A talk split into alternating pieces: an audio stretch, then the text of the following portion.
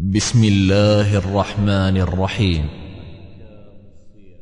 أحكام الصيام أحكام الصيام أحكام الصيام. أحكام الصيام الله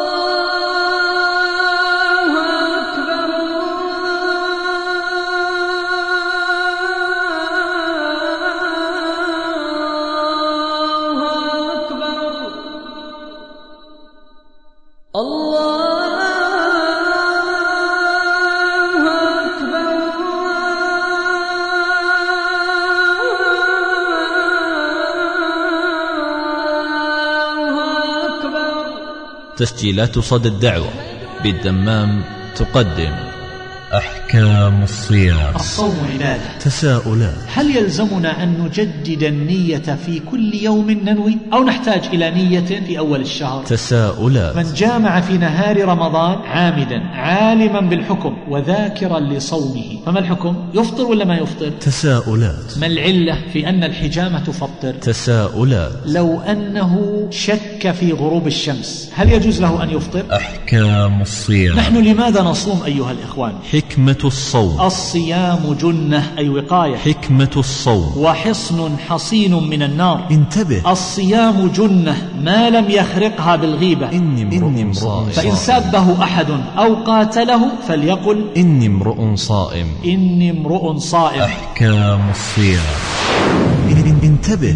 رب صائم ليس له من صيامه إلا الجوع. حكمة الصوم. الصوم. إنما شرعه الله عز وجل من أجل أن نحقق التقوى في نفوسنا. حكمة الصوم. التقرب إليه سبحانه وتعالى بهذا الصيام. حكمة الصوم. الصوم يحررنا من رق الشهوات ويضيق مجاري الشيطان. احذر إفساد صوم أن نترك شهوة العين فلا يمتد النظر إلى الحرام. إفساد صوم فإن هذا أمر يؤثر في صوم الإنسان. احذر إفساد صوم ليس من العقل ولا من الدين أن يصوم البطن وتمتد العين وتسرح في النظر في الكاسيات العاريات. مهمة إبليس. بعض الناس أيها الإخوة تزداد شرورهم في رمضان وتزداد معاصيهم. مهمة إبليس. ومن الناس من تكون حاله كأنه قد أخذ على عاتقه مهمة إبليس لإضلال العباد وغوايتهم في هذا الشهر.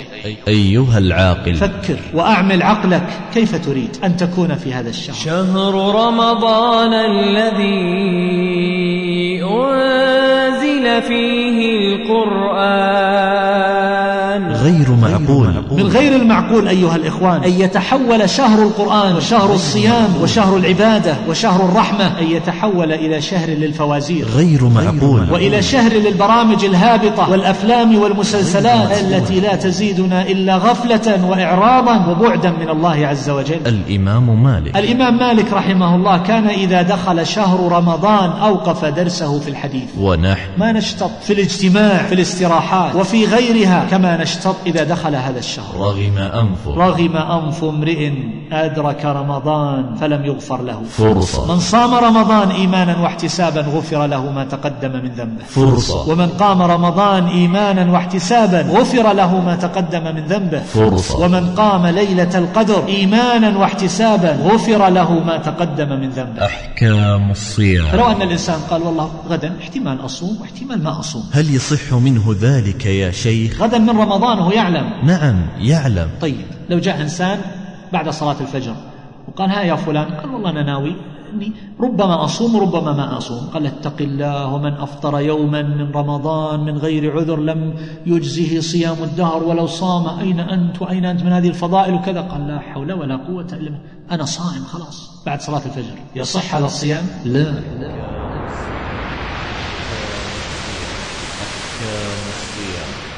أحكام الصيام. أحكام الصيام. محاضرة للشيخ خالد السبت.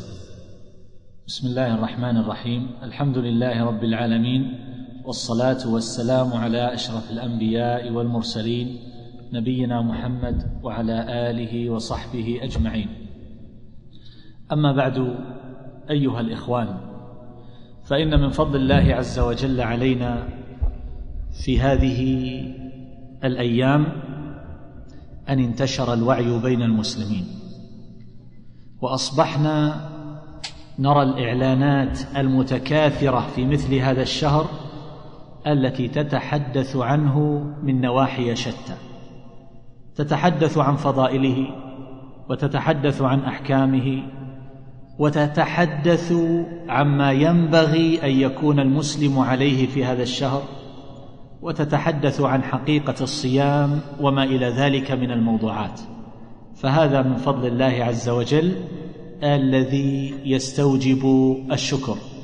أيها الإخوة يقول الله عز وجل وربك يخلق ما يشاء ويختار فالله تبارك وتعالى له الخلق فهو يخلق خلقه ويختار من هذا الخلق فيصطفي ما شاء. يخلق الناس ثم يصطفي منهم أهل الإيمان كما أنه يصطفي من أهل الإيمان يصطفي منهم طوائف لحمل الرسالات وتبليغ دعوته إلى العالمين. يصطفي من هؤلاء المؤمنين العباد والمجاهدين وأهل الإنفاق والبذل وما إلى ذلك من صنوف أهل العبودية كما أن الله عز وجل خلق الملائكة واصطفى منهم رسلا كما أنه خلق الأرض واختار منها بقاع وهي المساجد فجعلها أفضل تلك البقاع وجعل الله عز وجل المسجد الحرام مميزا عليها جميعا كما أنه اصطفى مسجد رسوله صلى الله عليه وسلم واصطفى المسجد الأقصى على سائر المساجد بعد المسجد الحرام. هذا كله من اصطفائه واختياره تبارك وتعالى. كما أن الله عز وجل يصطفي من الأزمان والأوقات. فيجعل بعض الأوقات أشرف من بعض. كما يجعل بعض الأوقات مواسم لعبادته سبحانه وتعالى. فيضاعف فيها الأجور لعباده المؤمنين ويفتح بها أبواب الجنة كما في رمضان ويغلق أبواب النار فهذا كله من لطفه وحكمته ورحمته جل جلاله. فالله عز وجل اصطفى لنا هذا الشهر الذي نستقبله ونسأل الله عز وجل أن يبلغنا وإياكم شهره وأن يتقبله منا وأن يعيننا وإياكم فيه على ذكره وشكره وحسن عبادته. اصطفاه وأمرنا بصيامه وبين لنا العلة من هذا الصيام والحكمة فيه. فقال كتب عليكم الصيام كما كتب على الذين من قبلكم لعلكم تتقون. أي من أجل تحقيق التقوى لله تبارك وتعالى. فإذا كانت هذه هي الحكمة العظمى من شرع الله عز وجل لصيام رمضان فإن ذلك ينبغي أن نلحظه في صومنا وفي شهرنا وأن يكون ذلك على بال وذكر منا لا يغيب عنا لحظة من اللحظات في هذا الشهر الكريم وفي هذه الأيام التي نستعد فيها لاستقباله. نحن لماذا نصوم أيها الإخوان؟ النبي صلى الله عليه وسلم يقول الصيام جنة أي وقاية الصيام جنة وحصن حصين من النار كجنة أحدكم من القتال. وفي بعض الألفاظ الصيام جنة ما لم يخرقها بالغيبة. معنى ذلك أن هذه الجنة كالترس الذي يحول بينك وبين ما تكره من ضرب الحديد ضرب السلاح من طعن الرماح من ضرب السيوف قد تنخرق هذه الجنة. هذا الصيام كالترس يقيك بإذن الله عز وجل من الدخول في النار ومن أسباب الدخول فيها ما لم يخرقه بالغيبة. فدل ذلك على أن هذا الترس يمكن أن ينخرق فإذا خرق فإنه لا يكون واقيا لصاحبه كما ينبغي من جميع الآفات والأخطار والمخاوف. فتنتاشه الآفات وتعتوره الأمور التي تسبب له عقوبة وعذابا إذا لقي ربه. والنبي صلى الله عليه وسلم يبين لنا كيف نحفظ هذا الحرز والجنة. فإذا كان صوم يوم أحدكم فلا يرفث ولا يسخط لا يرفث لا يصدر منه أي لون من ألوان الرفث. ما هي ألوان الرفث التي يمكن أن تدخل تحت قوله صلى الله عليه وسلم فلا يرفث تحت هذا العموم؟ يدخل فيه مواقعة الحرام بالفواحش بجميع أنواعها ويدخل فيه أيضا مواقعة الزوجة بالحلال ويدخل فيه أيضا يدخل فيه ألوان الفحش من الكلام في النساء ومن الفجور ومن دنيء القول ومنحط الكلم وسافله. كل ذلك داخل في قوله فلا يرفث يدخل فيه اللعن والسب والشتم والمهاترات والجدل بالباطل. كل ذلك داخل فيه في معناه الأعم. وإن كان الرفث يطلق في عرف الاستعمال على بعض هذه المعاني. ولا يسخط الصائم لا يسخط لا يرفع صوته رفعا مستنكرا فلا يكون صخابا بالأسواق. فإن الصائم ينبغي له أن يكون متصفا بالسكينة والوقار أن يكون متئدا أن يكون له سمت يليق بالصائمين. فإن حصل له عدوان يقول النبي صلى الله عليه وسلم فإن سابه أحد أو قاتله فليقل إني امرؤ صائم.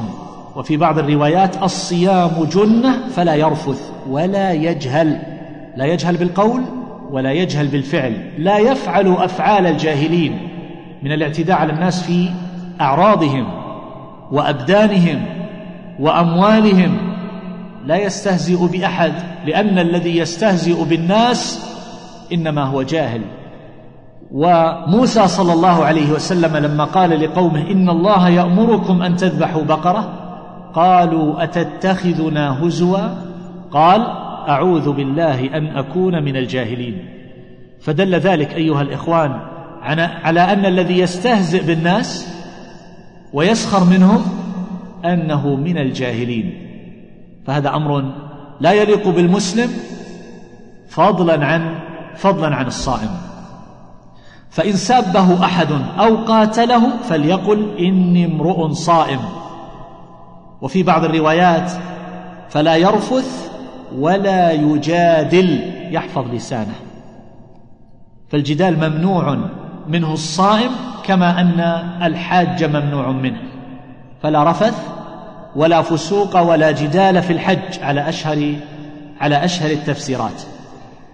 وجاء عن النبي صلى الله عليه وسلم أنه قال من لم يدع قول الزور والجهل والعمل به. قول الزور قول الزور كشهادة الزور ويدخل فيه الغيبة والنميمة والكذب والإفك وألوان الباطل من الكلام كل ذلك من الزور. والجهل هو العدوان على الناس والعمل به العمل بالزور كالعبث الباطل وكلعب القمار وغير ذلك من ألوان العبث المحرم وكذلك حضور مجالس الزور. حضور مجالس الزور التي يستهزأ بها بالله عز وجل. وبدينه وشرعه وكتابه ورسوله صلى الله عليه وسلم وبعباده المؤمنين. لا يجوز للإنسان أن يحضر تلك المجالس لا مباشرة ولا أن يتابع ذلك عبر شاشة في الإنترنت أو عبر شاشة في تلك القنوات الفضائية البائسة. فينبغي للإنسان أيها الإخوان أن يحفظ صومه. لا يصح بحال من الأحوال أيها الإخوة أن نصوم ثم نفطر على لون من الزور وأن نحضر مجالس الزور عند فطرنا. لنرى ألوانا من العبث العابث ونسمع ألوانا من قول الباطل والاستهزاء بدين الله تبارك وتعالى. من لم يدع قول الزور والجهل والعمل به فليس لله حاجة في أن يدع طعامه وشرابه. فدل ذلك على أن الصيام ليس المراد منه التجويع وإنما المراد منه أن تحقق التقوى في نفس في نفس الصائم. ولهذا قال النبي صلى الله عليه وسلم من لم يدع الخنا والكذب فلا حاجة لله أن يدع طعامه وشرابه. فليس الصيام كما قال النبي صلى الله عليه وسلم من الأكل والشرب إنما الصيام من اللغو والرفث. فإن سابك أحد أو جهل عليك فقل إني صائم إني صائم. ولهذا يقول عليه الصلاة والسلام رب صائم ليس له من صيامه إلا الجوع ورب قائم ليس له من قيامه إلا السهر. وهذا إنما يكون لمن خرق صومه بألوان الباطل من القول من القول والعمل. فمن منا يرضى أيها الإخوان أن يكون نصيبه من هذا الصيام إنما هو الجوع والعطش. وهذا يعني أن صومه مردود عليه وأنه لم يقبل. أقول أيها الإخوان الصوم إنما شرعه الله عز وجل من أجل أن نحقق التقوى في نفوسنا من أجل أن نفطم هذه النفوس عن شهواتها. أن نفطم النفس عن شهوة البطن بترك الأكل والشرب المستلذ الذي أباحه الله عز وجل ومنع منه في حال الصوم. أن نترك شهوة الفرج ولو كانت مباحة من أجل الله من أجل التقرب إليه سبحانه وتعالى بهذا الصيام. أن نترك شهوة العين فلا يمتد النظر إلى الحرام. فإن هذا أمر يؤثر في صوم الإنسان. النظر النظر ومعظم النار من مستصغر الشرر. فليس من العقل ولا من الدين أيها الإخوان أن يصوم البطن وتمتد العين وتسرح في النظر في الكاسيات العاريات في الأسواق وعبر الشاشات. وأيضا أن يفطم هذا اللسان عن الكلام بالباطل عن الكذب عن الزور عن الوقيعة في أعراض الناس. فإن, فإن للسان شهوة لها ضرام أعظم من شهوة البطن والفرج أحيانا يا إخوة. ولذلك تجد الإنسان أحيانا لربما كان صواما قواما ولكنه لا يتمكن بحال من الأحوال. أن يغلب لسانه فيمسكه من الوقيعة في أعراض الناس. فهذا أمر يحتاج إلى ترويض ويحتاج إلى صبر ويحتاج إلى تربية. فالصائم لا يغتاب ولا يكذب ولا يدخل في مهاترات. وهكذا الأذن أيها الإخوة تصوم. تصوم من سماع الأغاني ومن سماع الغيبة والنميمة والكذب والفجور والباطل. لا تسمع إلا الحق. الصوم أيها الإخوان يطلق هذه النفوس من أسر الشهوات التي تذلها وتهينها فتنحط مراتبها في درجات العبودية. الصوم يحررنا من رق الشهوات أيها الإخوان ويضيق مجاري الشيطان. لأن البطن إذا جاع شبعت الجوارح فيفتر النظر وتفتر اليد وتفتر الرجل وتفتر الإذن الأذن ويكون الإنسان أقرب ما يكون إلى الله عز وجل. لا سيما مع ما يحصل في هذا الشهر الكريم من تصفيد الشياطين. فيحصل لكثير من الناس من إشراق النفوس والقرب من الله عز وجل بألوان العبادات القلبية والقولية والعملية ما لا يقادر قدره. فيسارع الناس في التقرب إلى الله عز وجل بأموالهم وبقراءة القرآن وبذكر الله عز وجل بجميع صوره وأشكاله. كما نجدهم يجلسون في المساجد كثيرا. كما نجد الناس يتهيئون للصلاة فيه ولعمل الخيرات ما لا يتهيئون في غيره فعدوهم مصفد. والجنة قد فتحت أبوابها والنار قد أغلقت أبوابها فتقربت الرحمة من المخلوقين من العباد. فاشرأبت نفوسهم إليها فكانوا أقرب ما يكونون إلى الله عز وجل. وكان ذلك أحرى لقبول دعواتهم وهذا هو السر والله تعالى أعلم في أن آية الدعاء أيها الإخوان ذكرت في وسط آيات الصوم. قد يتساءل الإنسان الله يذكر الصيام في سورة البقرة ثم يقول وإذا سألك عبادي عني فإني قريب أجيب دعوة الداعي إذا دعان فليستجيبوا لي وليؤمنوا بي لعلهم يرشدون. ثم يقول أحل لكم ليلة الصيام الرفث إلى نسائكم. إلى آخر ما ذكر الله عز وجل. فما معنى توسيط هذه الآية في ثنايا آيات الصوم؟ أخذ من ذلك بعض أهل العلم أن للدعاء مع الصوم مزية وأنه حري بأن يتقبل دعاء الإنسان فأكثروا فيه من الدعاء. كيف لا؟ وقد قال النبي صلى الله عليه وسلم أخبرنا أن للصائم دعوة. مستجابة. وهذه الدعوة لا تحد بوقت. هي من أول صومه إلى آخره. ولم يثبت عن النبي صلى الله عليه وسلم حديث صحيح في أن هذه الدعوة تكون عند الفطر. إنما الذي يكون عند الفطر إنما هي فرحة. للصائم فرحتان. فرحة عند فطره وفرحة عند لقاء ربه.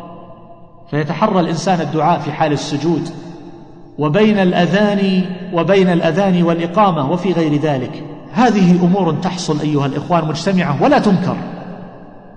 فحري بالعبد أن يستغل ذلك في إصلاح قلبه وعمله وحاله مع الله عز وجل وحفظ صيامه.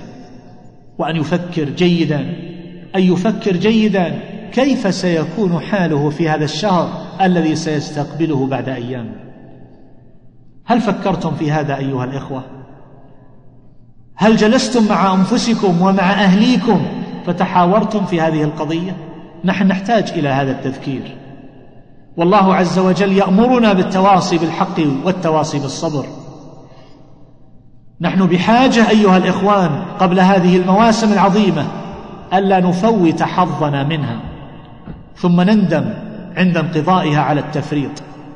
وضياع الأوقات بما لا طائل تحته بل أحيانا بما يسخط الله عز وجل ويباعدنا منه. بعض الناس أيها الإخوة تزداد شرورهم في رمضان وتزداد معاصيهم ومن الناس من تكون حاله كأنه قد أخذ على عاتقه مهمة إبليس لإضلال العباد وغوايتهم في هذا الشهر.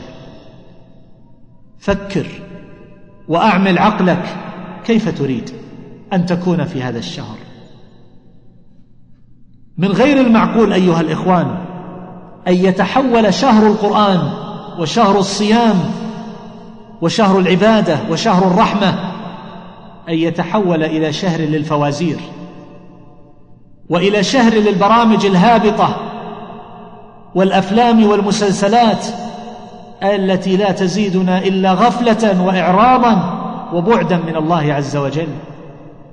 ما علاقة هذا الشهر بالعبث واللهو واللغو؟ ما علاقة هذا الشهر أيها الإخوة بالسهر على غير القيام وقراءة القرآن؟ الإمام مالك رحمه الله كان إذا دخل شهر رمضان أوقف درسه في الحديث. أوقف درسه في الحديث ونحن ما نشتط. في الاجتماع في الاستراحات وفي غيرها كما نشتط إذا دخل هذا الشهر. وإذا نظرت إلى حال الناس مع الأسواق وجدت أسواقا مكتظة بألوان البضائع من الأواني والمطعومات والمفروشات وألوان الملابس حتى الأثاث. وكأن الناس قد خلت بيوتهم سائر العام. على معصية الله عز وجل وتزجية الأوقات بلعب الورق ومشاهدة الباطل بجميع أنواعه. أين أنتم أيها الإخوان؟ أليس الإنسان له عقل يفكر فيه؟ كيف يضيع هذه المواسم؟ ولربما ازداد هذا العبث والتشكع في الأسواق في أفضل أيام الشهر. في العشر الأواخر منه. هل يصح أن يقضى نهاره بالنوم والفتور والكسل وأن يقضى ليله باللهو والعبث؟ هذه أمور يحتاج أن نراجع نحتاج أن نراجع أنفسنا فيها.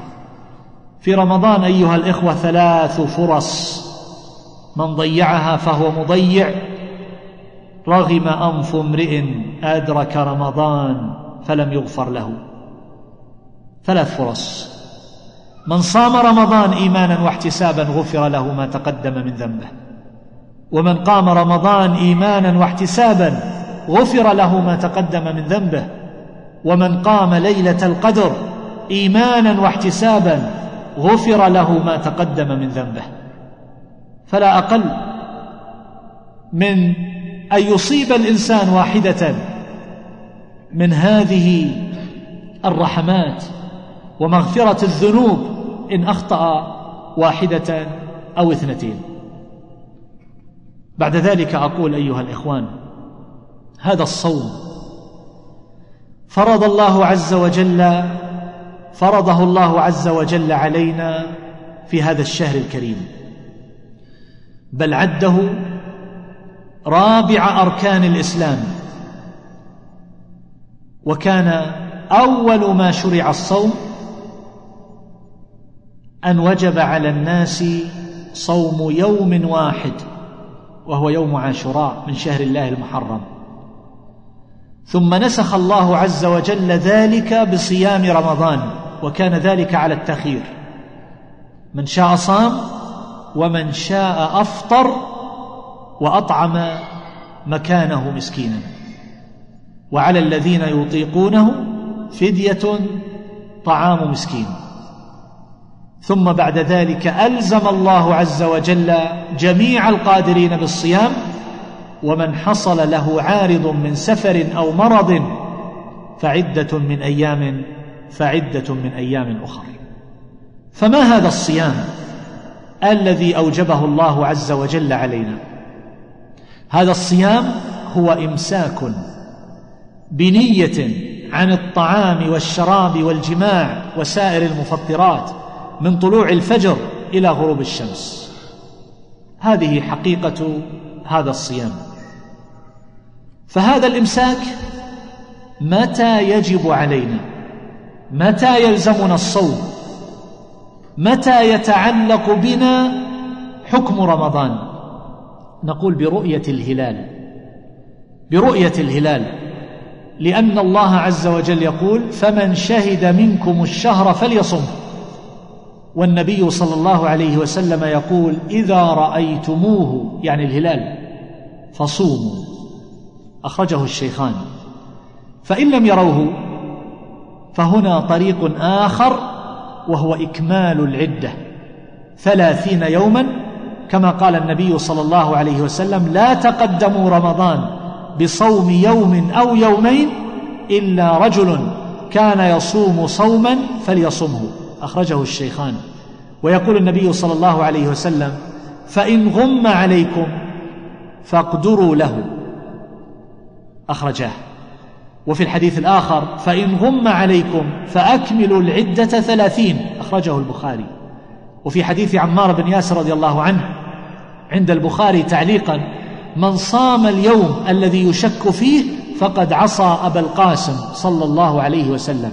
ومعنى ذلك أن الناس إن لم يروا الهلال فلا يجوز لهم أن يصوموا اليوم الأخير من شهر شعبان من باب الاحتياط. وإنما عليهم أن يكملوا عدة شعبان ثلاثين يوما. ثم بعد ذلك ثم بعد ذلك يصومون. ولا ينقص ذلك من أجورهم شيئا ولو فوتوا يوما في حقيقة الأمر وباطنه. لأن النبي صلى الله عليه وسلم قال الصوم يوم تصومون. الصوم يوم تصومون. وقال صلى الله عليه وسلم يقول صلى الله عليه وسلم شهرا عيد لا ينقصان. ومن أشهر تفسيرات هذا الحديث أن الناس إن أخطأوا فصاموا تسعة وعشرين يوما فإن أجرهم يكون على التمام. فلا داعي للأسف لما فات بطريق بطريق الخطأ. وما المعتبر في ذلك؟ إذا رآه أهل ناحية فهل يجب على جميع الناس أن يصوموا؟ من أهل العلم من يقول نعم إذا رآه أهل ناحية وجب على جميع المسلمين أن يصوموا في مشارق الأرض ومغاربها لأن النبي صلى الله عليه وسلم قد خاطب الأمة بقول صوموا لرؤيته وأفطروا لرؤيته قالوا هذا خطاب لجميع الأمة. ومن أهل العلم من قال من فرق وقال بأن هذا لمن كانوا في تلك الناحية. واعتبر هؤلاء اختلاف المطالع. ويدل على ذلك ما جاء عن ابن عباس رضي الله تعالى عنهما كما في صحيح مسلم عن كريب أن أم الفضل بنت الحارث بعثته إلى معاوية بالشام. قال فقدمت الشام فقضيت حاجتها واستهل علي رمضان وأنا بالشام فرأيت الهلال ليلة الجمعة ثم قدمت المدينة في آخر الشهر فسألني عبد الله بن عباس رضي الله تعالى عنهما ثم ذكر الهلال فقال متى رأيتم الهلال؟ يعني بالشام فقلت رأيناه ليلة الجمعة. فقال أنت رأيته؟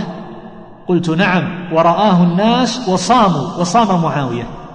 قال لكننا يعني قال ابن عباس لكننا يعني في المدينة رأيناه ليلة السبت.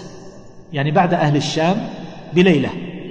فلا نزال نصوم حتى نكمل الثلاثين. أو نراه.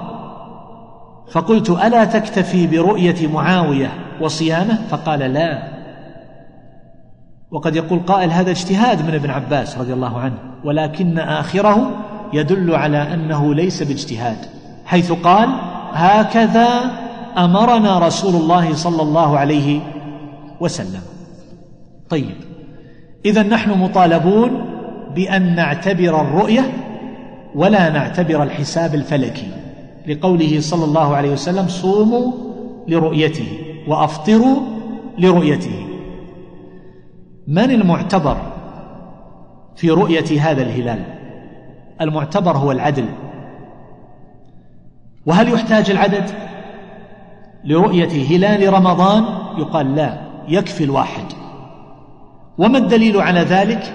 عندنا حديثان. الأول حديث ابن عمر رضي الله تعالى عنه يقول أخبرت النبي صلى الله عليه وسلم برؤيته فصام وأمر الناس بصيامه. والحديث الآخر أن أعرابيا شهد عند النبي صلى الله عليه وسلم أنه رأى الهلال. فقال له النبي صلى الله عليه وسلم أتشهد أن لا إله إلا الله وأني رسول الله؟ قال نعم. فأمر النبي صلى الله عليه وسلم بصيام بصيام رمضان.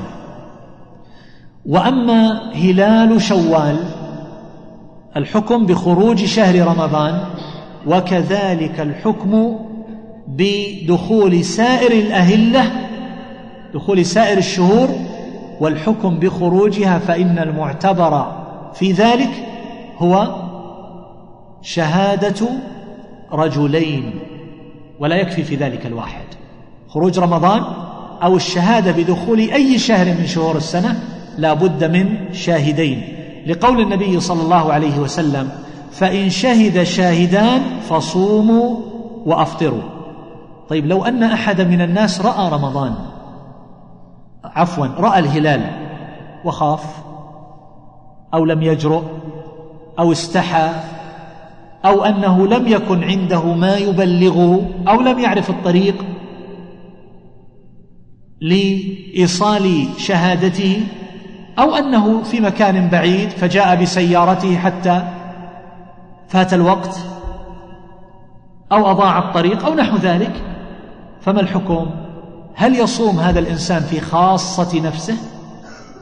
من أهل العلم من يقول, من يقول إنه يصوم لقول النبي صلى الله عليه وسلم صوموا لرؤيته والأقرب أنه لا يلزمه الصيام وذلك أن هذا الخطاب خطاب عام للأمة صوموا لرؤيته. وكما قال شيخ الإسلام ابن تيمية رحمه الله أن الشهر إنما قيل له ذلك لاشتهاره. فهذا الذي لم يحكم برؤيته حتى لو بلغ لكن لاعتبارات معينة لم يحكم برؤيته فإنه لا يصوم. لا يصوم وإنما يصوم مع الناس لأن النبي صلى الله عليه وسلم قال الصوم يوم يوم تصومون فليس المعتبر في ذلك أن يراه الإنسان بمفرده ثم يحكم بعد ذلك ثم يحكم بعد ذلك على نفسه. فهنا مسألة تقع وتتكرر في أحيان كثيرة. أهل هذا البلد رأوا الهلال وصاموا. فسافر أحد من الناس إلى بلد آخر صاموا بعدهم في اليوم الذي بعده. صاموا في اليوم الذي بعده. فما الحكم؟ كما حصل في العام الماضي. إنسان صام في هذا البلد ثم سافر إلى بلاد أخرى وهؤلاء لم يصوموا إلا بعدنا بيوم. فمتى يفطر؟ متى يفطر؟ لو أننا لو أن أولئك صاموا تسعة وعشرين يوما. تسعة وعشرين يوما. فبالنسبة إليه لا إشكال. لأن التاسع والعشرين بالنسبة إليه لأنه صام قبلهم بيوم. هنا يكون بالنسبة إليه هو اليوم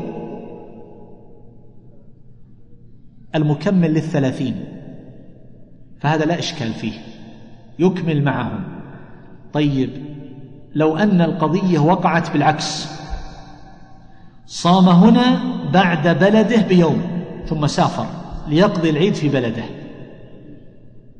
وأولئك صاموا تسعة وعشرين يوما وقد سبقونا بيوم. فكم يكون الصيام في حقه؟ الآن يكون يكون ثمانية وعشرين يوما. وهل يكون الشهر بهذا القدر؟ هل يمكن؟ أبدا. لا يمكن. فماذا يفعل؟ يصوم يوم العيد بالنسبة إليهم؟ ظاهر الحديث الصوم يوم تصومون والفطر يوم تفطرون أنه يفطر معهم. لكن ما الذي يلزمه؟ القضاء. يقضي يوما بعد العيد. في أي وقت من أوقات السنة. وقته موسع. فهو قد فات عليه يوم لعذر. طيب لو عكسنا المسألة بصورة أخرى. صام هنا ثم سافر إلى بلده. سافر إلى بلده. وقد صاموا قبلنا بيوم. صاموا قبلنا بيوم. وأكملوا العدة ثلاثين يوما. كم يكون صام يوم؟ الآن نحن هنا صمنا قبلهم بيوم. وسافر إلى بلده وأكملوا العدة ثلاثين. واحد وثلاثين يوما. وهل يكون الشهر واحد وثلاثين يوما؟ لا يمكن. فماذا يفعل؟ هل يفطر سرا قبلهم بيوم؟ من أهل العلم من يقول يفطر سرا لأن الشهر لا يكون واحدا وثلاثين يوما. لكن ظاهر الحديث الصوم يوم تصومون والفطر يوم تفطرون يقال لا يفطر.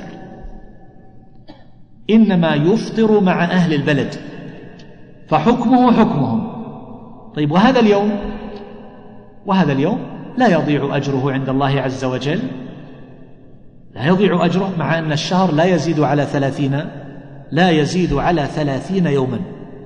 طيب لو أن هذا الإنسان في ليلة الصوم نام من عادته أن ينام مبكرا تأخر الخبر على هذا الإنسان فنام ثم صلى الفجر ولم يلقى أحدا أو لم يخبر أو لا يعرف أحد أو كان مسافرا أو كان في الصحراء وفي الضحى أخبر أن هذا من رمضان. فماذا يعمل؟ هذا الإنسان على أحد حالين إما أن يكون قد أكل وشرب أو لم يأكل ولم يشرب. فإن لم يأكل ولم يشرب فالمترجح أن صومه صحيح ولا قضاء عليه. لا قضاء عليه. طيب والنية؟ لا صيام لمن لم يبيت الصيام من الليل كما سيأتي. نقول لم يعلم بذلك فكان ذلك عذرا له. طيب وما الدليل على هذا؟ الدليل على هذا لما أمر النبي صلى الله عليه وسلم الناس لزوما بصيام يوم عاشوراء لما كان مفترضا ماذا قال؟ قال أمرهم أن من أصبح صائما فليتم صومه. لاحظ. ومن أكل أو شرب فليمسك بقية يومه. ولذلك ننتقل إلى الصورة الثانية الاحتمال الثاني أن يكون هذا الإنسان الذي لم يبلغه إلا في النهار أنه أكل وشرب. فما الحكم؟ من أهل العلم من يقول كما قال النبي صلى الله عليه وسلم في صيام عاشوراء يمسك ويتم بقية يومه ولا يضره ولا يقضي. وهذا هو ظاهر الحديث في أمر النبي صلى الله عليه وسلم بصيام يوم عاشوراء. أليس كذلك؟ يمسك ويتم بقية يومه مع أنه أكل وشرب. بنص الحديث. وهذا هو اختيار الشيخ تقي الدين ابن تيمية رحمه الله. ومن أهل العلم وهم كثير يقولون لا يمسك. لماذا يمسك؟ قالوا لحرمة الشهر. ثم قالوا يقضي هذا اليوم. لماذا يقضي؟ قالوا اولا ما نواه من الليل. والنبي صلى الله عليه وسلم يقول لا صيام لمن لم يبيت الصيام من الليل. ثم أيضا قالوا هذا عام. لا صيام لمن لم بعذر وبغير عذر. ثم أيضا هذا الإنسان أكل وشرب. أكل وشرب فلا صيام له. وهذا الذي يفتي فيه سماحة الشيخ عبد العزيز بن باز رحمه الله. طيب الآن إذا رؤي الهلال وبلغ الناس دخول الشهر ايا كان بلغهم بالليل أو بلغهم من اليوم الثاني من الذي يلزمه الصوم؟ يلزم كل مسلم؟ لأن الكافر لا يصح منه. يا أيها الذين آمنوا كتب عليكم الصيام. المكلف. والمكلف هو البالغ العاقل. هذا هو المكلف. وبالتالي ما حكم الصبي إذا صام؟ نقول يؤجر. يؤجر. وينبغي أن نعود الصغار على الصيام. الصحابه رضي الله عنهم كانوا يصومون الصغار. وإذا جاعوا أعطوهم ما يلتهون به من اللعب. إلى غروب الشمس.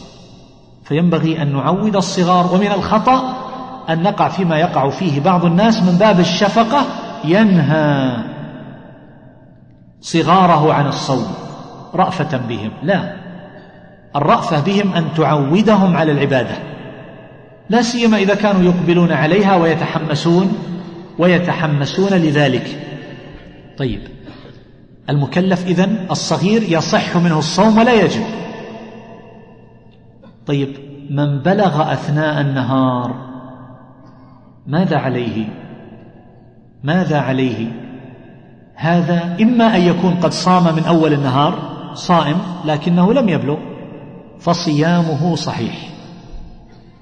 صيامه صحيح ولا يقضي. طيب لو أنه أكل أو شرب ثم بلغ أثناء النهار هذا متصور أنه يبلغ أثناء النهار ولا غير متصور؟ متصور. بلغ أثناء النهار وقد أكل أو شرب. فعلى قول شيخ الإسلام ومن وافقه أنه يمسك بقية اليوم ولا قضاء عليه لأن التكليف تعلق به في تلك الساعة. وعلى قول كثير من أهل العلم أنه يمسك حفظا لحرمة الشهر ولكنه يقضي يوما يقضي يوما مكانه. طيب. مكلف. هذا الإنسان المكلف. طيب العاقل هو المكلف العاقل البالغ. طيب إذا كان قد جن أصابه الجنون ذهب عقله بالجنون تأتيه حالات نوبات من الجنون فإن كان هذا الجنون لوقت محدد يعرض له في النهار مثلا فصومه صحيح. يجن ساعة ساعتين ثم يفيق. فهذا لا إشكال. صومه صحيح. طيب لو أنه جن قبل الفجر إلى المساء إلى الليل إلى بعد غروب الشمس فما الحكم؟ لا صوم له. وهل عليه القضاء؟ الجواب لا. لماذا؟ لأنه غير مكلف. رفع القلم عن ثلاثة. طيب لو أنه أغمي عليه أغمي على هذا الإنسان إذا كان هذا الإغماء في وسط النهار أو في أثناء النهار أغمي عليه ساعة ساعتين ونحو ذلك فصومه صحيح طيب لو أغمي عليه من قبل الفجر إلى بعد إلى بعد غروب الشمس فما الحكم؟ هذا لا يعتبر لا يعتبر صومه لا يعتبر صومه وبالتالي فإنه فإنه لا يعد صائما مع أنه لم يأكل ولم لم يأكل ولم يشرب. طيب هل يلزمه القضاء هذا المغمى عليه ليوم كامل؟ الجواب؟ الجواب نعم. هذا القادر آه هذا المكلف. المكلف القادر. القادر انتفاء القدرة إما أن يكون ذلك مؤقتا بوقت أو أن يكون ذلك مستمرا دائما. فالمؤقت بوقت ما حكمه إنسان غير قادر بمعنى أنه مريض ثم يرجى له البروء فنقول يفطر كان مريضا أو على سفر فعدة من أيام أخر يقضي. وإذا كان العجز مستمرا لا يرجى برء هذا الإنسان فماذا يصنع؟ نقول يطعم وله طريقتان في الإطعام. إما أن يطعم كل يوم بيومه. يطعم كل يوم كما يطعم في الكفارة اليمين. يطعم كل يوم مسكين إما أن يعطيه الطعام جاهزا أو غير مطبوخ أو أنه يدعو المساكين هؤلاء في آخر الشهر على عدد الأيام أيام الشهر سواء كان تسعة وعشرين أو ثلاثين ثم يطعم هؤلاء يعشيهم أو يغديهم أو نحو ذلك. فله أن يؤخر كما ورد ذلك عن أنس بن مالك رضي الله تعالى عنه. طيب لو أنه حصل له عذر لأن, لأن هذا الإنسان نقول هو المسلم الذي يجب عليه الصوم المسلم العاقل يعني المكلف العاقل البالغ القادر من غير مانع. من غير مانع. المانع مثل ماذا؟ مثل الحيض و والنفاس. وهل الاستحاضة من الموانع؟ الجواب لا لأن المستحاضة تصوم ولا إشكال وإنما الحيض طيب من زال عنه المانع أثناء النهار؟ المرأة انقطعت عنها عادتها وقت صلاة الظهر أو النفساء ارتفع عنها الدم وقت صلاة الظهر فما الحكم؟ كثير من أهل العلم يقولون يمسك تمسك هذه المرأة إلى بقية اليوم. ثم ماذا؟ يقولون تقضي يوما مكانه. لماذا تمسك؟ قالوا لحرمة الشهر. ولماذا تقضي؟ قالوا لأنها لم تصم يوما كاملا ولم تنوي الصوم من الليل. وهذا الذي كان يفتي فيه الشيخ عبد العزيز بن باز رحمه الله.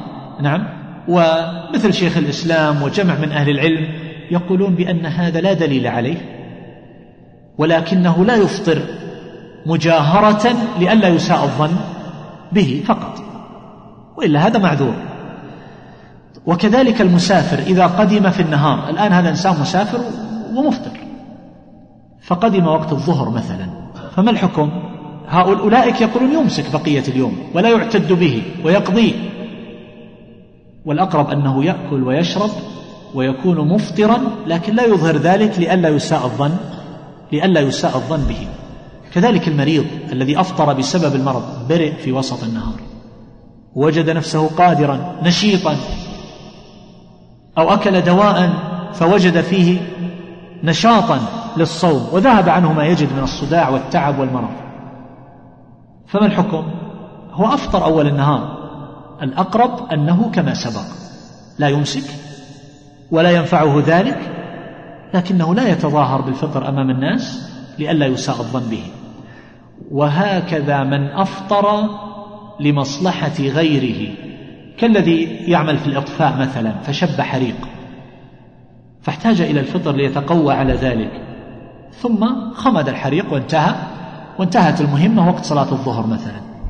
هل نقول أمسك بقية اليوم ولا نقول تروح تتغدى الآن؟ ولك أن تأكل وتشرب سائر اليوم هذا هو الأقرب.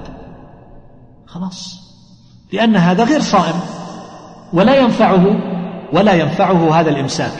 وأما حرمة الشهر فهذه الحرمة إنما أقدم على الأكل والشرب فيه لعذر معتبر شرعا. طيب هناك أشياء غير المرض والسفر والإغماء والجنون وما أشبه ذلك من العوارض المرأة الحامل والمرضع. إذا أفطرت لها أن تفطر لكن لها ثلاث حالات. إما أن تفطر لمصلحتها خوفا على نفسها لأنها تشعر فتور بإغماء تشعر بفتور وتخشى أن يغمى عليها لا تستطيع القيام ضعفت. فهذه يقال تفطر ثم تقضي يوما مكانه. تقضي يوما مكانه. طيب لو أنها أفطرت وهي تقوى على الصوم لكن من أجل الولد لأنها إن صامت لا يوجد فيها الحليب. ينقطع. فأفطرت من أجل الولد. فما الحكم؟ الحكم أن هذه تقضي يوما مكانه وتطعم معه مسكينا. ما الدليل على هذا الكلام؟ ومن أين جئنا به؟ جئنا به من أثر صحيح ثابت عن ابن عباس رضي الله عنهما حيث قال والمرضع والحبلى يعني الحامل إذا خافتا على أولادهما أفطرتا وأطعمتا. إذا الفطر إن كان لمصلحة الولد فالقضاء والإطعام. وإذا كان لمصلحتها فالقضاء فقط. طيب لو اجتمع الأمران أفطرت لمصلحة الولد ولمصلحتها هي فيمكن أن تغلب هنا مصلحتها؟ فيقال عليها ماذا؟ عليها القضاء فقط. طيب لو أن الإنسان نام وهذا يحصل لو أن الإنسان نام قبل طلوع الفجر سهر الليل ونام قبل طلوع الفجر ولم يفق إلا بعد غروب الشمس. فما الحكم؟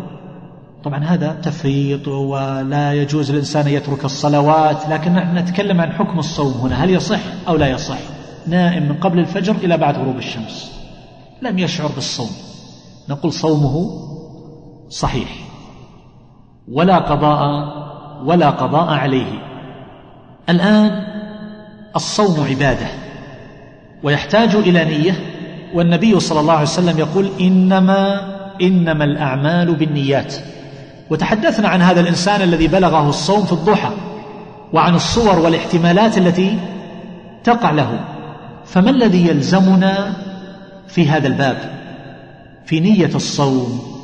هل يلزمنا أن نجدد النية في كل يوم ننوي؟ أو نحتاج إلى نية في أول الشهر. نعطيكم قاعدة. نقول كل صوم متتابع. متتابع مثل ماذا؟ رمضان. ومثل كفارة اليمين على الأرجح. كفارة اليمين على الأرجح لأنه في القراءة الأحادية فصيام ثلاثة أيام متتابعات وهي ثابتة صحيحة. وهي تفسر القراءة المتواترة وبناء على حمل المطلق على المقيد.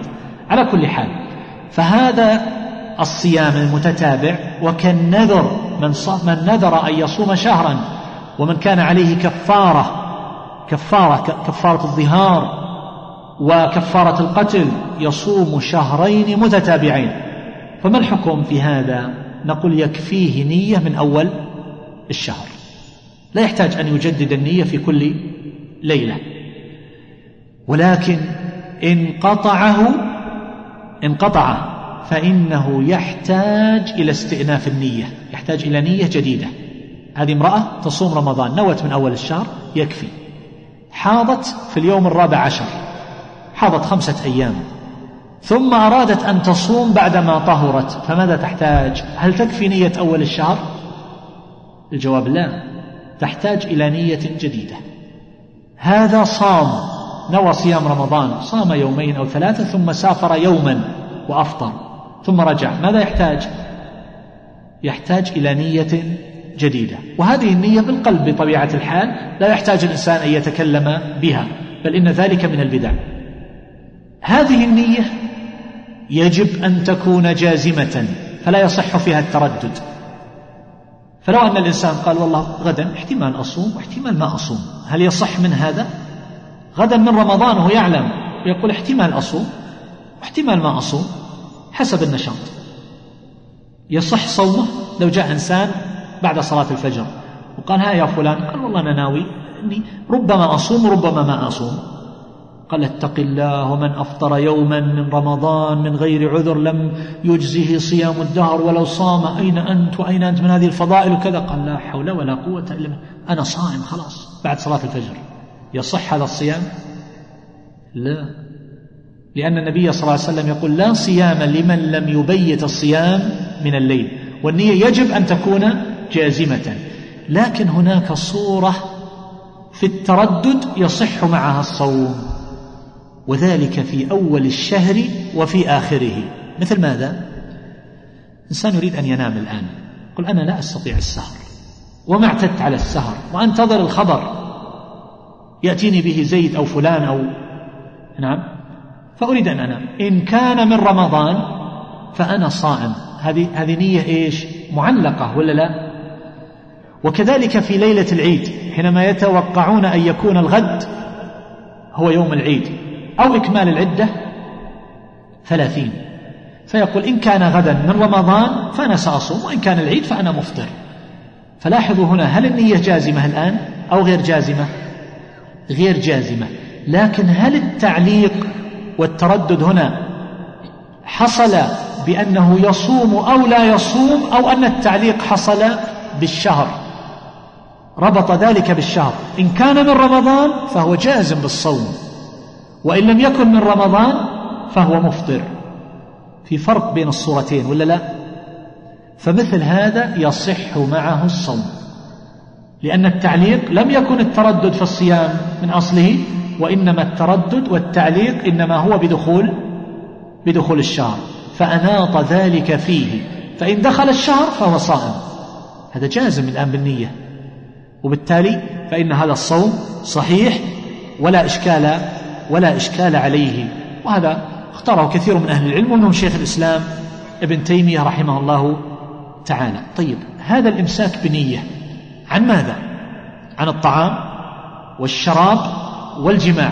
هذه الأمور الثلاثة هي أصول المفطرات. سائر المفطرات ترجع إلى هذه الأمور الثلاثة وهي المذكورة في آية الصيام في قوله تبارك وتعالى فالآن باشروهن. هذا إيش؟ الجماع. وابتغوا ما كتب الله لكم وكلوا واشربوا. فهذه الأمور الثلاثة هي المذكورة في هذه الآية وهي أصل يرجع إليه جميع أنواع المفطرات. أولها الأكل. حقيقة الأكل المعروفة إذا قيل فلان أكل هو إدخال الشيء إلى المعدة عن طريق الفم. هذا هو الأكل. نعم هذا هو الأكل سواء كان ذلك المأكول نافعا كما لو أكل الفاكهة.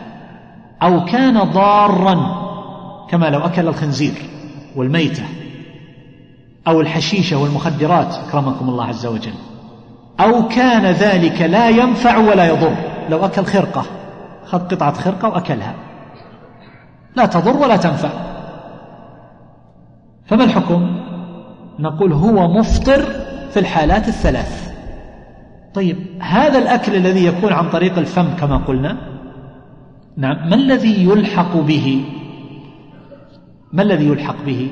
بالأكل الاستعاط الاستعاط ما هو الاستعاط هو دخول شيء عن طريق الأنف إلى الجوف. مثل أجارنا الله وإياكم وعافانا وعافى مرضى المسلمين. مثل المرضى الذين يوضع لهم ذلك عن طريق الأنف عن طريق لي أهواز. فيدخل إلى الجوف عن طريق الأنف. فما الحكم؟ ما هو عن طريق الفم؟ فنقول يلحق به. لماذا؟ لأن النبي صلى الله عليه وسلم كما جاء في حديث لقيط بن صبرة رضي الله عنه قال وبالغ في الاستنشاق. يعني في الوضوء. إلا أن تكون صائما. فقوله إلا أن تكون صائما يدل على أن دخول الماء من طريق الأنف إلى الجوف أنه يؤثر. يؤثر. وبالتالي يقال إن دخول الأشياء إلى الجوف عن طريق الأنف يفطر. يفطر. طيب البخار هو لم يأكل ولم يشرب. الآن الذي يعاني أحيانا من لربما اختناق بسبب الحمى أو نحو ذلك التهاب الشعب الهوائية لربما يوضع له ماء يسخن. فيستنشق بخار الماء.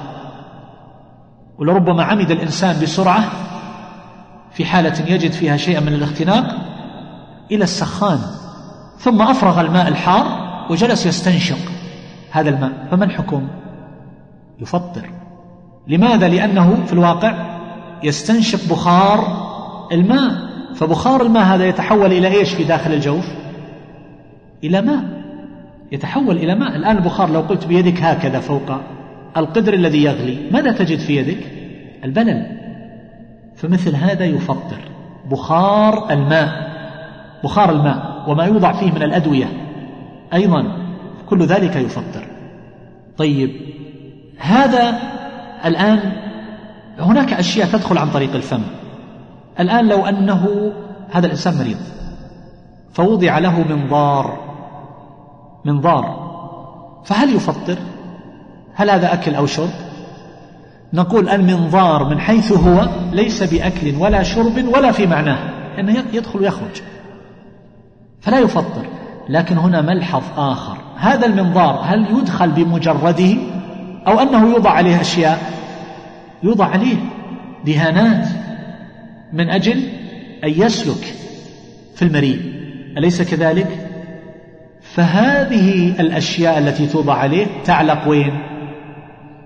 تعلق في داخل الجوف. وليس المقصود بالجوف هو مجرد المعدة أو البطن لا.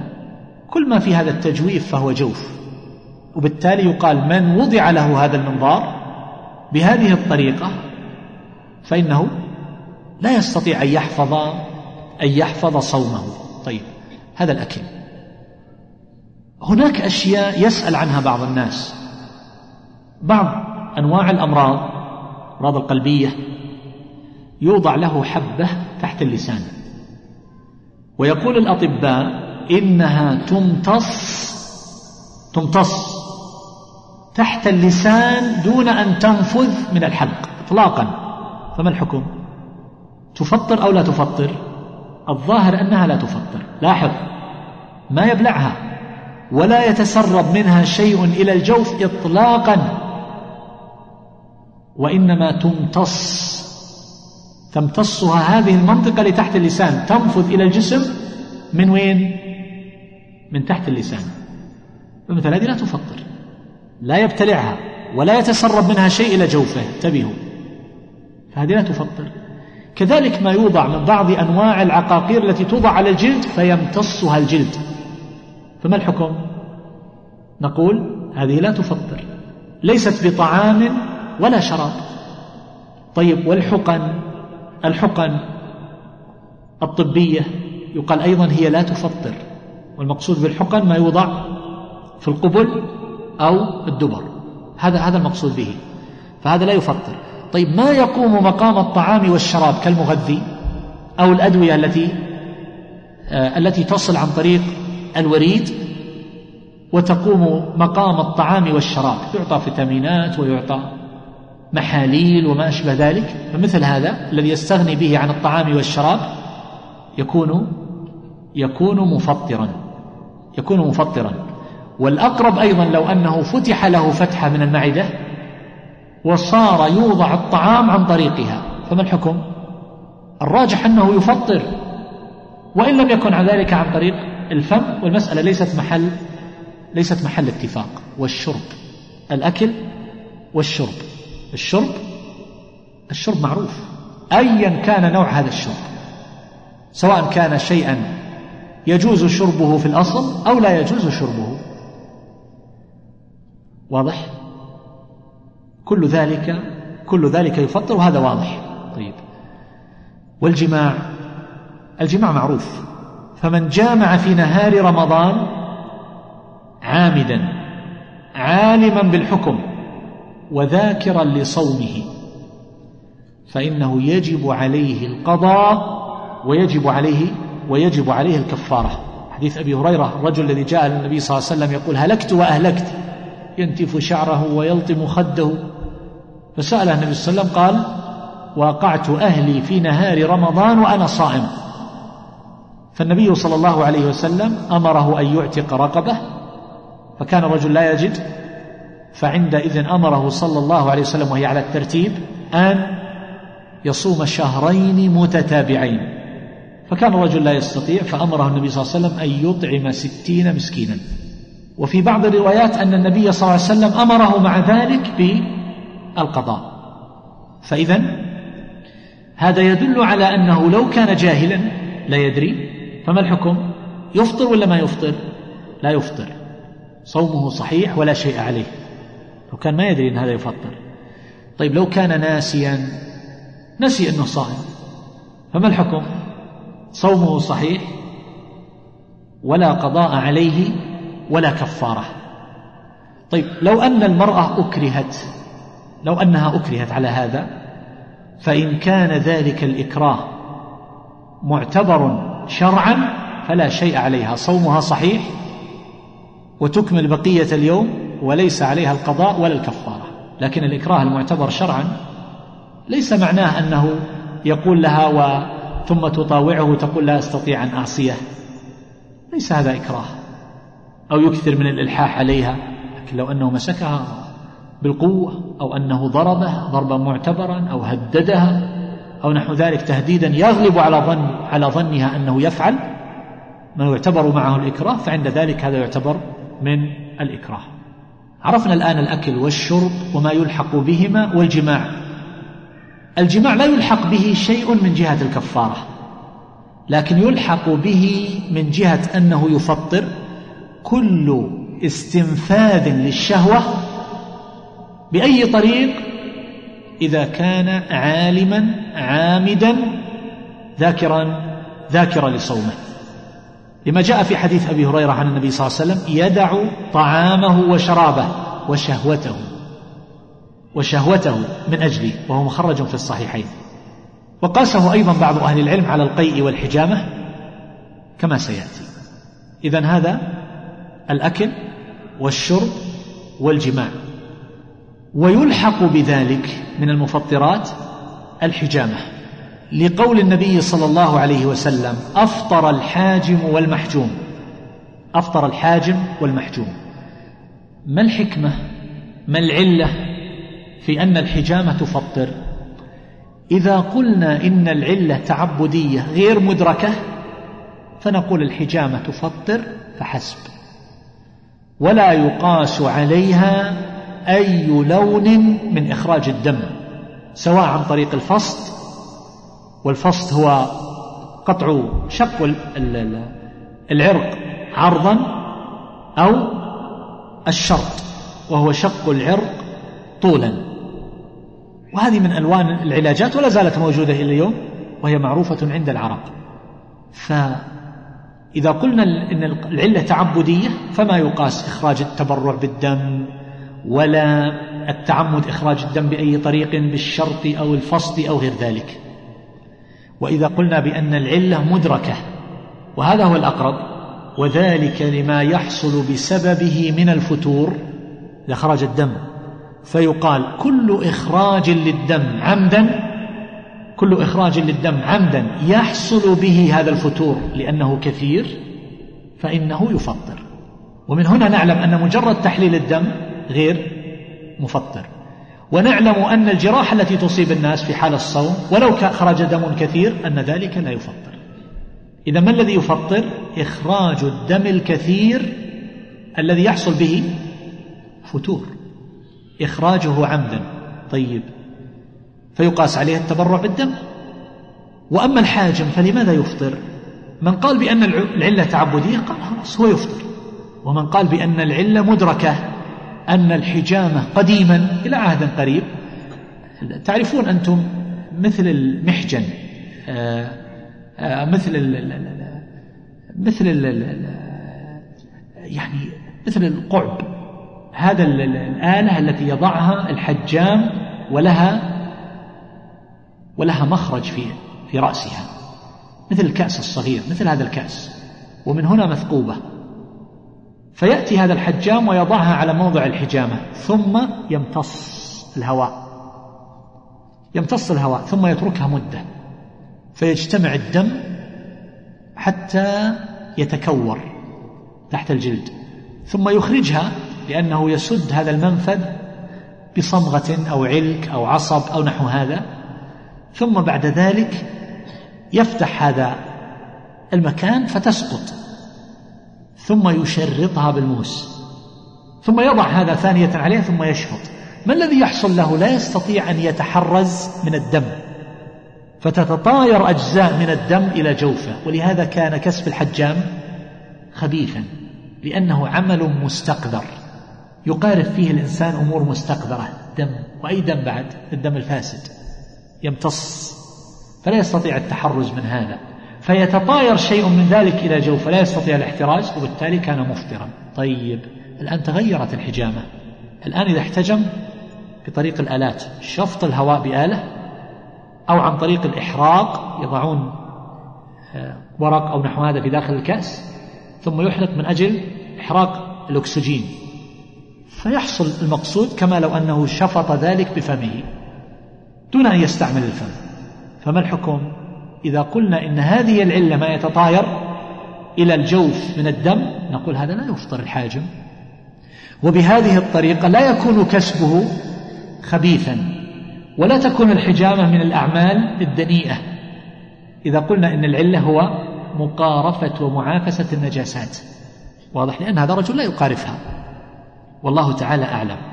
على كل حال النبي صلى الله عليه وسلم يقول أفطر الحاجم والمحجوم وحديث ثابت رواه عن النبي صلى الله عليه وسلم ثلاثة عشر صحابيا. بعد ذلك أقول من الأمور التي تفطر بنص حديث رسول الله صلى الله عليه وسلم القي إذا كان عمدا. لحديث أبي هريرة مرفوعا من استقاء عمدا فليقضي. ومن ذرعه القي يعني غلبه فلا قضاء عليه. عزكم الله الاستفراغ إذا كان متعمدا كيف يكون التعمد؟ إما بوضع الأصبع بالفم أو بعصر البطن أو بالنظر إلى عمدا إلى شيء يقزز حتى يستفرغ أو بسماع شيء يقزز حتى يستفرغ ويريد يستفرغ. واضح؟ فيقول أنا ما ما عملت شيء. فمثل هذا كله يفطر. إذا جذبه أو عن طريق الشم أو غير ذلك ثم يخرج منه هذا القي فهذا يفطر. فإن غلبه من غير تعمد فإن هذا لا شيء عليه وصيامه وصيامه صحيح. طيب والقلس؟ تعرفون القلس؟ القلس يشبه القي لكنه قليل وهو مر في الفم. يخرج هكذا إلى الحلق بمقدار ما يملأ الفم. فمثل هذا نقول لا يفطر لكنه يخرجه. لا يرجع إلى جوفه مرة أخرى. نعم.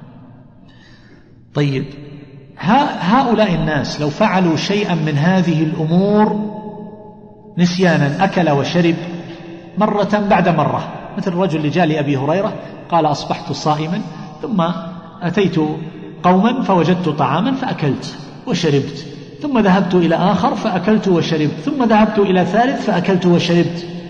قال له أبو هريرة أنت لم تعتد الصوم. فالمقصود أن هذا أكل هذه المرات جميعا لكنه كان ناسيا فصيامه صحيح والنبي صلى الله عليه وسلم يقول من نسي وهو صائم فأكل أو شرب فليتم صومه فإنما أطعمه الله وسقاه. أخرجه الشيخان. لكن هذا الإنسان لو رأيته يأكل أو يشرب ناسيا فهل عليك هل يجب عليك أن تذكره؟ بعض الناس يغضب ويقول لماذا ذكرتني؟ قطعت علي رزقا ساقه الله إلي. الله أطعمني وسقاني. ليش تذكرني؟ فنقول يجب عليه أن ينبهه. من أي باب؟ من باب إنكار المنكر. طيب هذا ناسي. نقول المنكر لا يشترط لا يشترط في كونه منكرا أن يكون صاحبه مؤاخذا. قد يفعل المنكر وجاهل قد يفعله ناسي. نعم. لكن يجب علينا أن ننكر هذا المنكر. فإذا رأينا إنسانا ينتهك حرمة الشهر فيجب علينا أن ماذا نفعل؟ أن ننبهه وأن نذكره أنه أنه صائم. ولو غضب. وكذلك الجاهل. سواء كان جاهلا بالحكم جاهلا بالحكم مثل ماذا؟ الآن حديث عدي عدي بن حاتم رضي الله عنه. لما سمع قول الله عز وجل كلوا واشربوا حتى يتبين لكم الخيط الأبيض من الخيط الأسود من الفجر.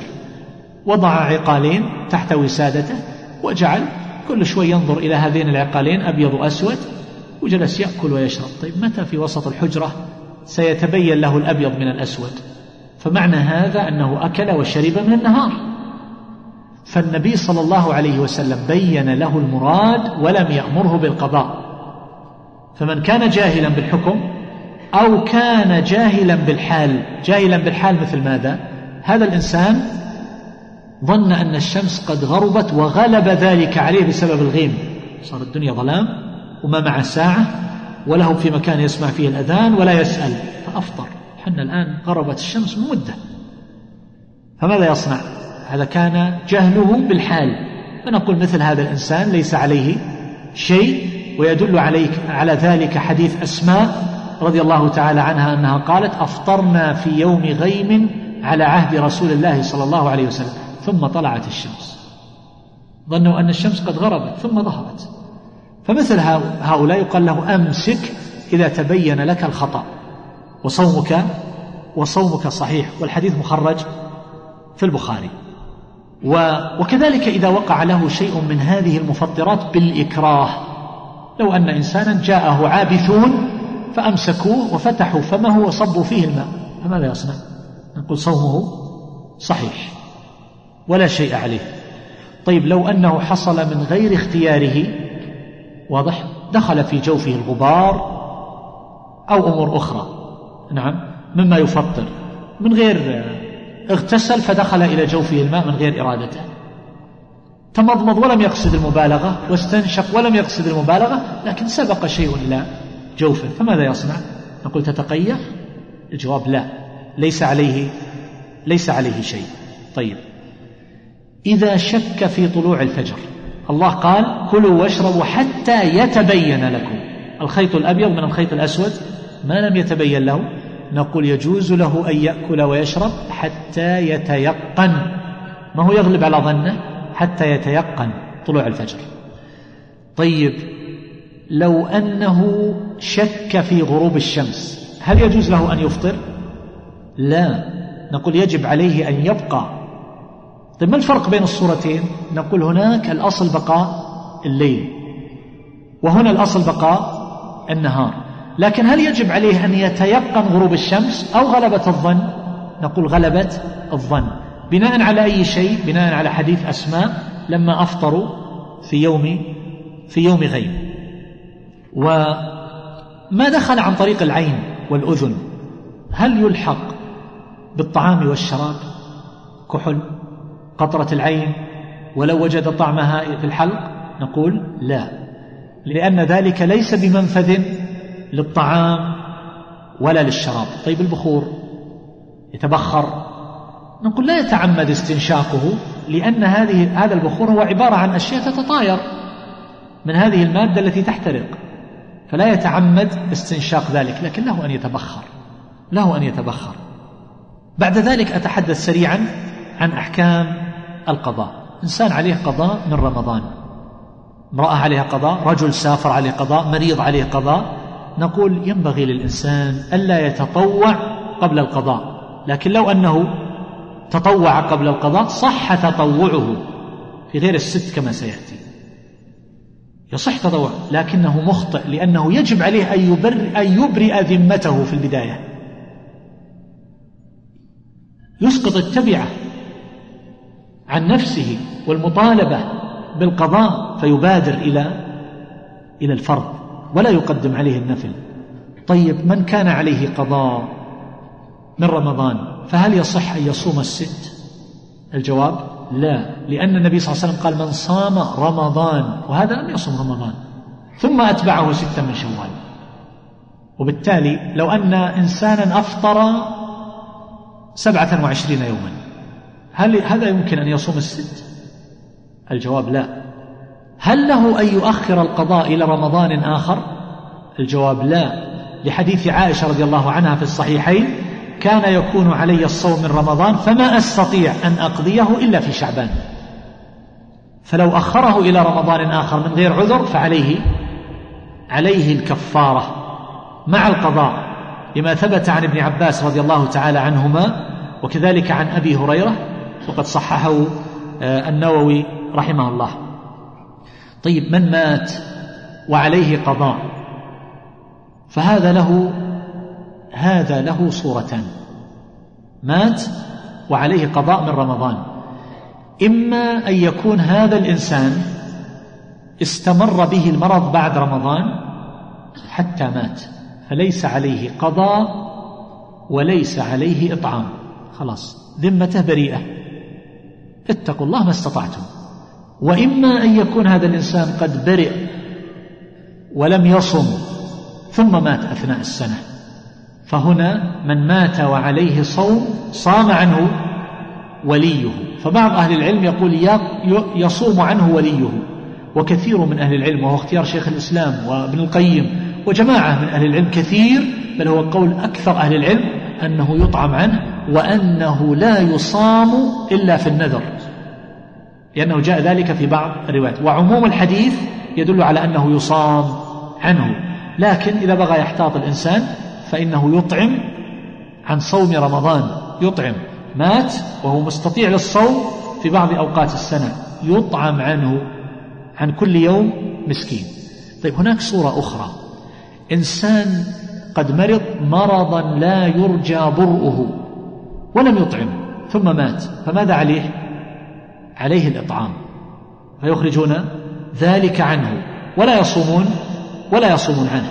طيب من قال له الأطباء إن هذا المرض لا يرجى برؤه فأفطر ثم صار يطعم عن كل يوم مسكين وبعد أربعة أشهر برئ. شفاه الله عز وجل فهل يلزمه القضاء؟ الجواب لا لا يلزمه القضاء.